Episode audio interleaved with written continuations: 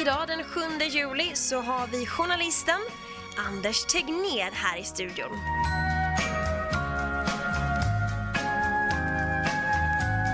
Ja, det här är alltså sommarprat ifrån Anders Tegner. Trevlig sommar på er! Jag heter Anders Tegner. och det kommer kanske som en överraskning för en del av er. Jag har faktiskt hela mitt liv fått höra mitt namn att det uttalas fel och stavas fel. Det blir aldrig rätt. Inte ens folk som jag faktiskt känner lyckas alla gånger. Och ibland när jag har rättat stavningen på en namnskylt i morgonsoffan i tv när jag har gästat dem så är det någon rackare som har hunnit ändra tillbaks alltihopa så det blir fel. De tror helt enkelt att det är fel när det är rätt. Förmodligen så är det den där Alice och Esaias Tegners fel. De är ju kända. De heter ju Tegner. Det gör ju inte jag. Jag heter Tegner och jag stavar namnet med två n, ett på varje sida om g och utan accent på det sista et. Men jag talar för döva öron. Redan imorgon så kommer någon att säga fel igen. Min pappa, min mamma, min bror, min dotter, alla har vi fått och får rätta alla som ger sig på att tala, eh, uttala vårt efternamn. Hur var det nu igen? Ska vi säga det tillsammans? Tegner, ingenting annat. Jag har varit rockare ända sedan jag hörde Elvis Presley som liten grabb. Han var min första idol och ändå så hade jag ingen skiva med honom. Min första singel det blev istället Det börjar verka kärlek banne mig med Claes-Göran Hederström. Han var ju cool han också. Jag såg Elvis på tv, den direktsända konserten från Hawaii 1973 när jag var 12 år. Elvis var gud, men trummisen, det var ju han som imponerade mest. Han hade två baskaggar. Det hade jag aldrig sett förut. Ronnie Tutt hette han och han var säkert världens bästa trummis. Så dök en ny bekantskap upp strax därpå. Alice Cooper. Han var det ballaste jag hade sett och låtarna var fantastiska. Då kunde ju inte jag veta att jag drygt 40 år senare skulle räkna Alice bland mina vänner efter otaliga möten och konserter. Alice är en fantastisk människa och jag har inte träffat någon som har någonting ont att säga om honom. I juli är det dags igen, då kommer han tillbaks till Sverige. Det här är Alice Cooper i hög form från Billion Dollar Babies, Raped and...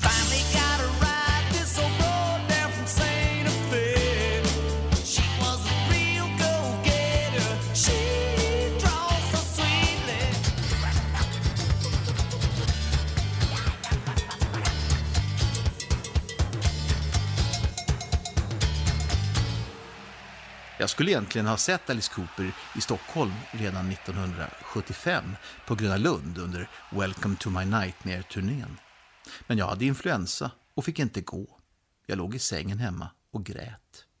Det dröjde ända till 1986 innan jag träffade honom i Los Angeles. Vi träffades i en fotostudio och han hade full makeup.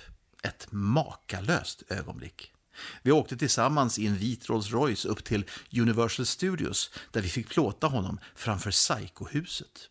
Jag har en bild där vi står och stryper varandra framför just det här speciella och legendomspunna huset. Därefter rullade det på. Vi träffades regelbundet. Jag åkte med i turnébussarna och följde med honom ut på restauranger. Han höll i en radioshow i Dallas på 90-talet och då bjöd han in mig som gäst. Och jag bjöd in honom till min egen tv-show i ZTV. Jag var barnvakt åt hans son Dash. Jag hälsade på i hans replokal och i inspelningsstudion. Jag döpte plattan Hey Stupid. En av de sjukaste grejerna det var när han sminkade mig som Alice inför ett tv-inslag i tv-programmet Metropolis 1987. Jag skulle komma gående och mima till Welcome to my nightmare och Alice hoppade fram och skar halsen av mig.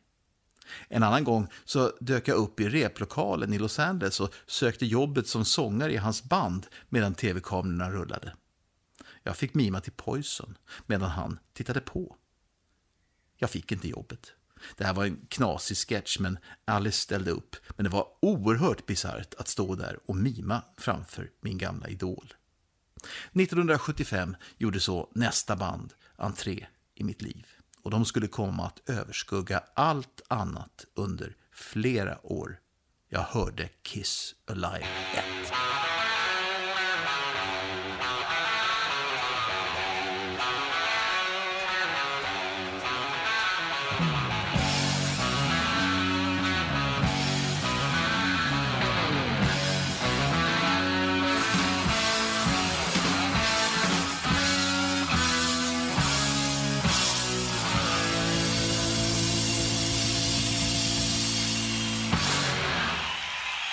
Watching You med Kiss från deras absolut bästa album, Kiss Live 1 från 1975. Kiss blev mer än idoler, de blev en livsstil. Jag dyrkade Kiss som om de vore gudar. Jag samlade på bilder och på plattor och på prylar. Jag sydde scenkläder i syslöjden och drog ihop ett gäng och gjorde Kiss-shower på ungdomsgården.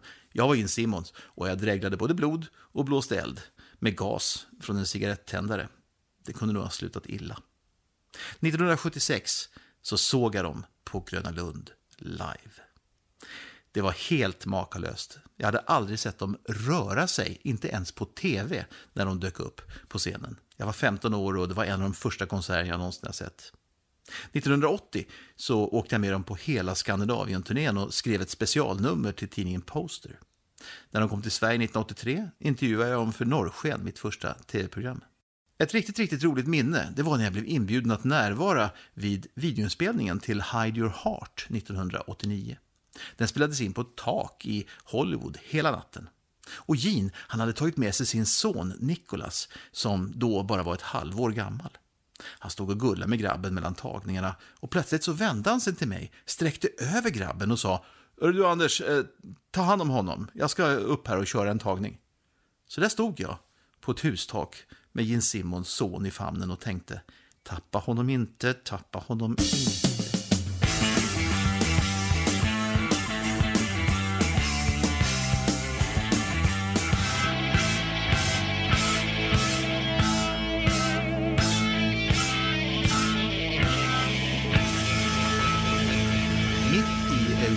runt Alice Cooper och Kiss så dök Deep Purple upp. Det var ett band som jag mest hade hört talas om. Den första platta som jag medvetet lyssnade på det var Burn. Men då hade de ju bytt ut både basisten och sångaren. Det lät ju fantastiskt. Och jag älskade sättningen med David Coverdale och Glenn Hughes. Jag fick ju backtracka lite grann och upptäckte att de tidigare plattorna var ju också skitbra. Jag såg tyvärr aldrig Deep Purple på 70-talet. De hann spricka innan jag blev ett fan. Det var först 1985 som jag såg dem live i Los Angeles och det var under den här återföreningsturnén. Då hade jag ju i och för sig redan träffat alla medlemmarna i andra band som Rainbow och Whitesnake och Gillan. Men det var de här fem gubbarna. Ja, vi tyckte ju att de var gubbar på den tiden. De var ju nästan 40 år. Det var när de spelade ihop som det uppstod en sällsam magi. Jag är mycket stolt över att ha tagit omslagsbilden på deras livealbum som heter Come Hell and High Water som kom 1994. Det var den sista plattan från det här klassiska Mark II-line-upet. Ian Gillan och jag, vi blev jättegoda vänner. Jag hälsade på honom flera gånger och bodde i ett av hans gästrum. Och det blev många blöta whiskykvällar ihop med en del ganska barnförbjudna skrönor. Nyligen åkte jag hem till basisten Roger Glover som bor i Schweiz. Medan vi satt och lyssnade på outgivna Purple-låtar så berättade han att det var han och inte Ian Gillan som hade skrivit merparten av texten till Smoke on the Water. Där ser man. 1977 så startade jag The Runaways Fan Club. Tjejbandet från Hollywood med Joan Jett och Lita Ford. De slog ju ner som en bomb i kalsongerna på en hormonstinn tonåring. Det var en seriös klubb med tidning och diplom och medlemskort. När bandet kom till Stockholm 1977 så träffade jag dem och året därpå så följde jag med dem på hela folkparksturnén i Sverige och åkte till och med till Amsterdam för att se dem en extra gång.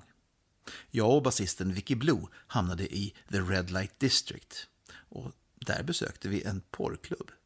Vi satt där i en mörk salong och skruvade på oss i stolarna medan ett par låg och nuppade på scenen framför oss. Så här lät Runaways 1976 på sitt andra album. Vi hör titelspåret.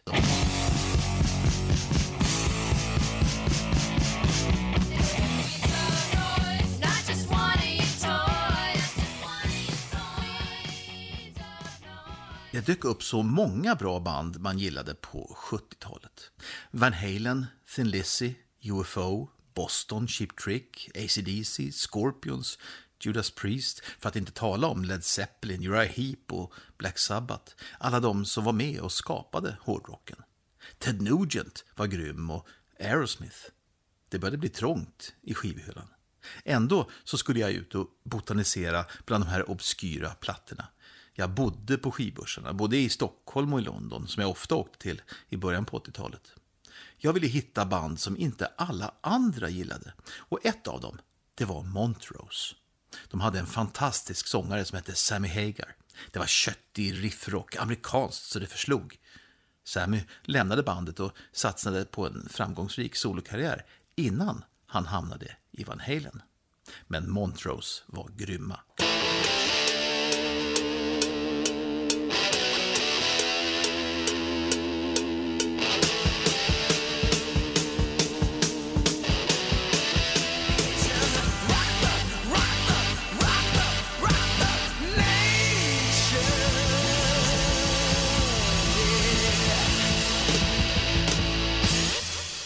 Montrose i all ära, det var inte bara jag som gillade dem.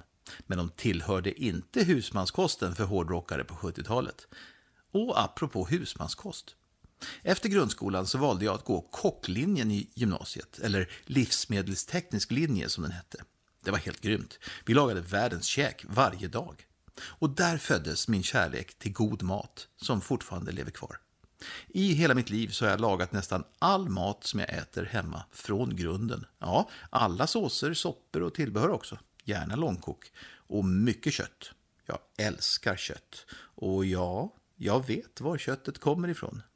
På kockskolan så fick jag nämligen praktisera på ett slakteri i några månader.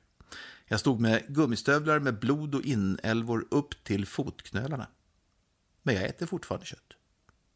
Nu i sommar så sänder jag ett radioprogram i P4 som heter Rockmat, där jag träffar fem rocklegender, bland andra Alice Cooper och Lita Ford från The Runaways. Och så snackar vi mat och rock'n'roll. I höst kommer min kokbok, en rockkokbok som heter Ät som en rockstjärna, som består av både mina egna och rockstjärnornas recept. Och det här är lite av en dröm som jag burit på rätt länge, att göra en egen kokbok. 1984 så var jag i USA för första gången för att se Scorpions. Jag var influgen av bandet och träffade Rudolf Schenker ute vid poolen. Han åt frukost. En rockstjärnefrukost. Ostron som han sköljde ner med champagne.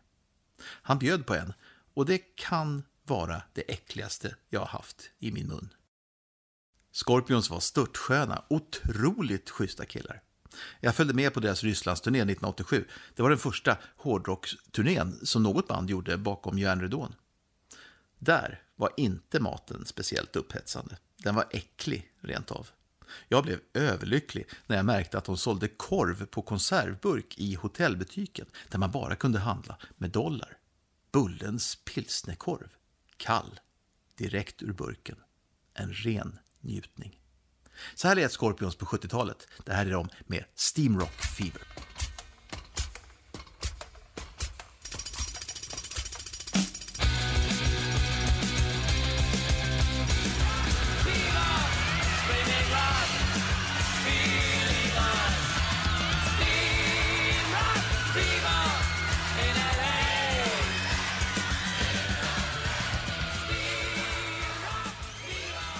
Team Rock Fever med Scorpions. Det här är Anders Tengner som sköter dagens sommarprat. Och det är ju en stor ära att få sitta här och hålla låda i en timme i radio. Vi ska ta och kika på ett annat band som var så okänt att jag inte ens hade hört talas om dem förrän förra året. När min tonårsdotter satt och lyssnade på en låt som lät bra. Och jag undrade vad det var. Rare Bird hette de, sa hon. Va? Vilka var det? Jag började googla och hittade en musikskatt. Det brittiska progressiva bandet hade gjort en knippe plattor i början på 70-talet. Det var makalösa album med tunga orgelmattor, taktbyten, schyssta melodier och flinka gitarrer och bra sång. Det finns betydligt tuffare låtar på deras CV, men jag fastnade speciellt för den här ganska poppiga låten. Den heter Lonely Street.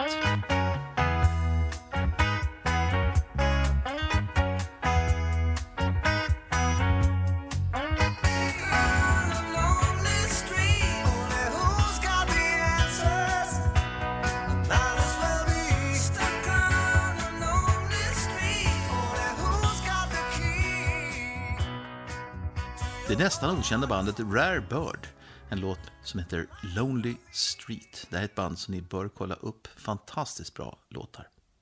1983 så var jag mitt uppe i att jobba med det svenska hårdrockbandet Heavy Load ett band som faktiskt kommer att återförenas ganska snart har jag förstått. Och det är en mycket efterlängtad återförening.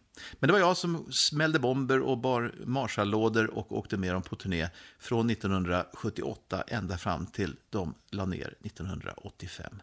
Jag tror jag var med på nästan alla gig de gjorde. Men 1983 så satt de i studion i Stockholm och spelade in en ny platta. I samma veva så dök Phil Lynott upp i Sverige med Three Musketeers och spelade på Gröna Lund. Och jag hade ju träffat Phil många gånger i Thin Lizzy. Jag tänkte, nej, jag måste fråga. Kan han tänka sig att spela bas på en låt med det här lilla svenska hårdrockbandet som han förmodligen inte hade hört talas om? Jag hade med mig lite tejper så han fick lyssna på det. Och han sa, men det här låter ganska bra. Ja, jag, jag, jag kanske kan göra det. På dagen så kom han ner och hälsade på killarna och lyssnade lite mer. Och en av dem sa, tror att du kan spela? Eh, ja, jag ska fundera på saken, sa han. Efter konserten så började jag tjata på honom och bearbeta honom. Till slut så gick han med på det. Så han kom ner i decibelstudion och tillbringade hela natten med oss. Där han satt och spelade bas på en låt som heter Free. Och det här var ju enastående för ett, ett internationellt sett ganska okänt band som Heavy Load att få med en världsartist på en skiva.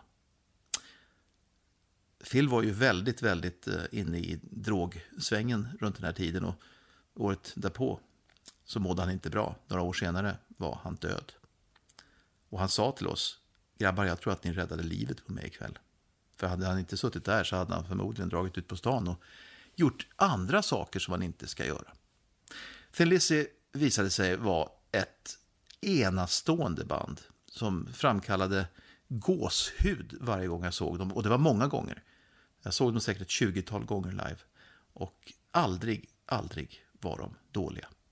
Vi ska ta och lyssna på en av mina favoritlåtar. Och det här är en, av, en sån här låt som är sjukt bra att öppna en konsert med. Det här är Thin Lizzy.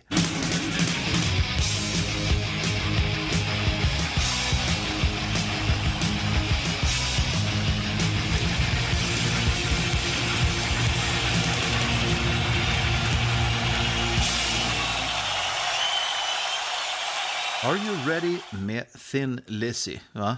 Det finns vissa låtar som är geniala öppningslåtar på konserter. Deuce med Kiss tycker jag är fantastisk. Highway Star med Deep Purple kan inte bli bättre. Och Are You Ready med Thin Lizzy.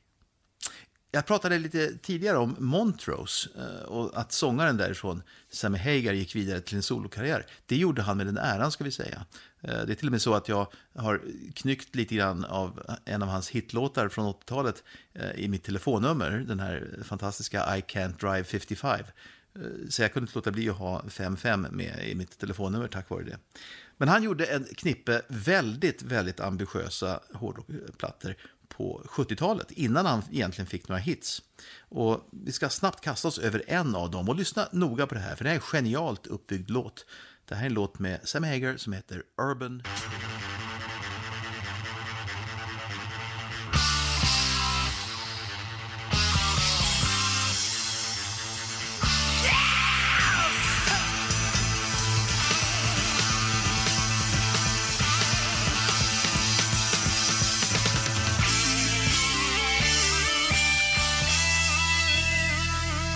Urban Gorilla med Sammy Hagar. Och inget sommarprat kan ju bli komplett om man inte tar med ett band som var otroligt viktigt för hårdrockens utveckling och det är Judas Priest. Det är lite konstigt att de aldrig besökte Sverige förrän 1984. Det var ändå ett band som höll på sedan början på 70-talet och släppte en rad framgångsrika skivor under hela 70-talet. Men det var först 1984 som de kom till Sverige första gången. Och då jobbade jag på dels en närradiostation som hette Heavy Metal Heaven och en liten eh, hårdrock-fanzine som hette The Hammer. Och vi var utskickade där eh, på en presskonferens som de höll för att göra intervju. Och vi bestämde oss för att nej, vi ska inte låta någon av de andra journalisterna, som var dumma i huvudet tyckte vi på den tiden, ställa några frågor. Så jag och min kollega på tidningen satte oss längst fram och sen tog vi varannan fråga. Eh, och det slutade med att det var bara han och jag som satt och pratade. Så för så fort bandet hade svarat på en fråga, då kom jag med en följdfråga. Och när den var klara, då satt han beredd med en ny fråga. Och till slut så började Robert Halford till och med skratta och sa att eh, jaha, ni sitter här och intervjuar mig med publik bakom. Så att eh, vi fick en egen intervju med Judas Priest eh, med publik, eh, det vill säga resten av den press som hade kommit dit. Så måste man göra, man måste ta för sig helt enkelt. Sen gjorde jag några tv-intervjuer också med eh, Robert Halford och eh, en gång så hade jag sett dem live i New Jersey och eh, skulle tillbaka till New York. Och jag var inne backstage och sa tack och hej och snackade med honom. Vi kanske till och med gjorde en intervju med honom efter konserten. Och när jag var klar med den här intervjun, jo så var det, Uh, jag, gjorde en intervju, jag gjorde en intervju med honom där. Och då frågade han, jaha, var, var bor du någonstans då? Nej, men jag bor på hotell i New York. Ja, men hur kommer du dit? sa han. Ja, jag vet inte, jag skulle åka någon något pendeltåg eller någon buss eller ta en taxi i värsta fall. Nej, det ska du inte, sa han. Det är klart du ska åka med mig i min limousin. Så att jag fick skjuts till hotellet av Robert Halford i en limousin i New York. Och sen, ja, till, vi åkte till hotellet han bodde på. Och eh, sen visade det sig att resten av bandet satt i baren, så att, eh, det varit en väldigt trevlig kväll. Eh, jag heter Anders Tengner. Jag har pratat eh, om allt möjligt här i en timme ungefär. Och eh, jag får tacka att jag har fått äran att få sommarprata. Vi ska avsluta med en låt med just Judas Priest. Och det här är en av mina favoritlåtar. Jag tycker att de varit sämre efter British Steel när de varit lite poppiga. Dock inte dåliga. De gjorde fortfarande väldigt många bra låtar. Men det Judas Priest som härjade på 70-talet lät helt annorlunda och helt makalösa. Här är de. Sinner.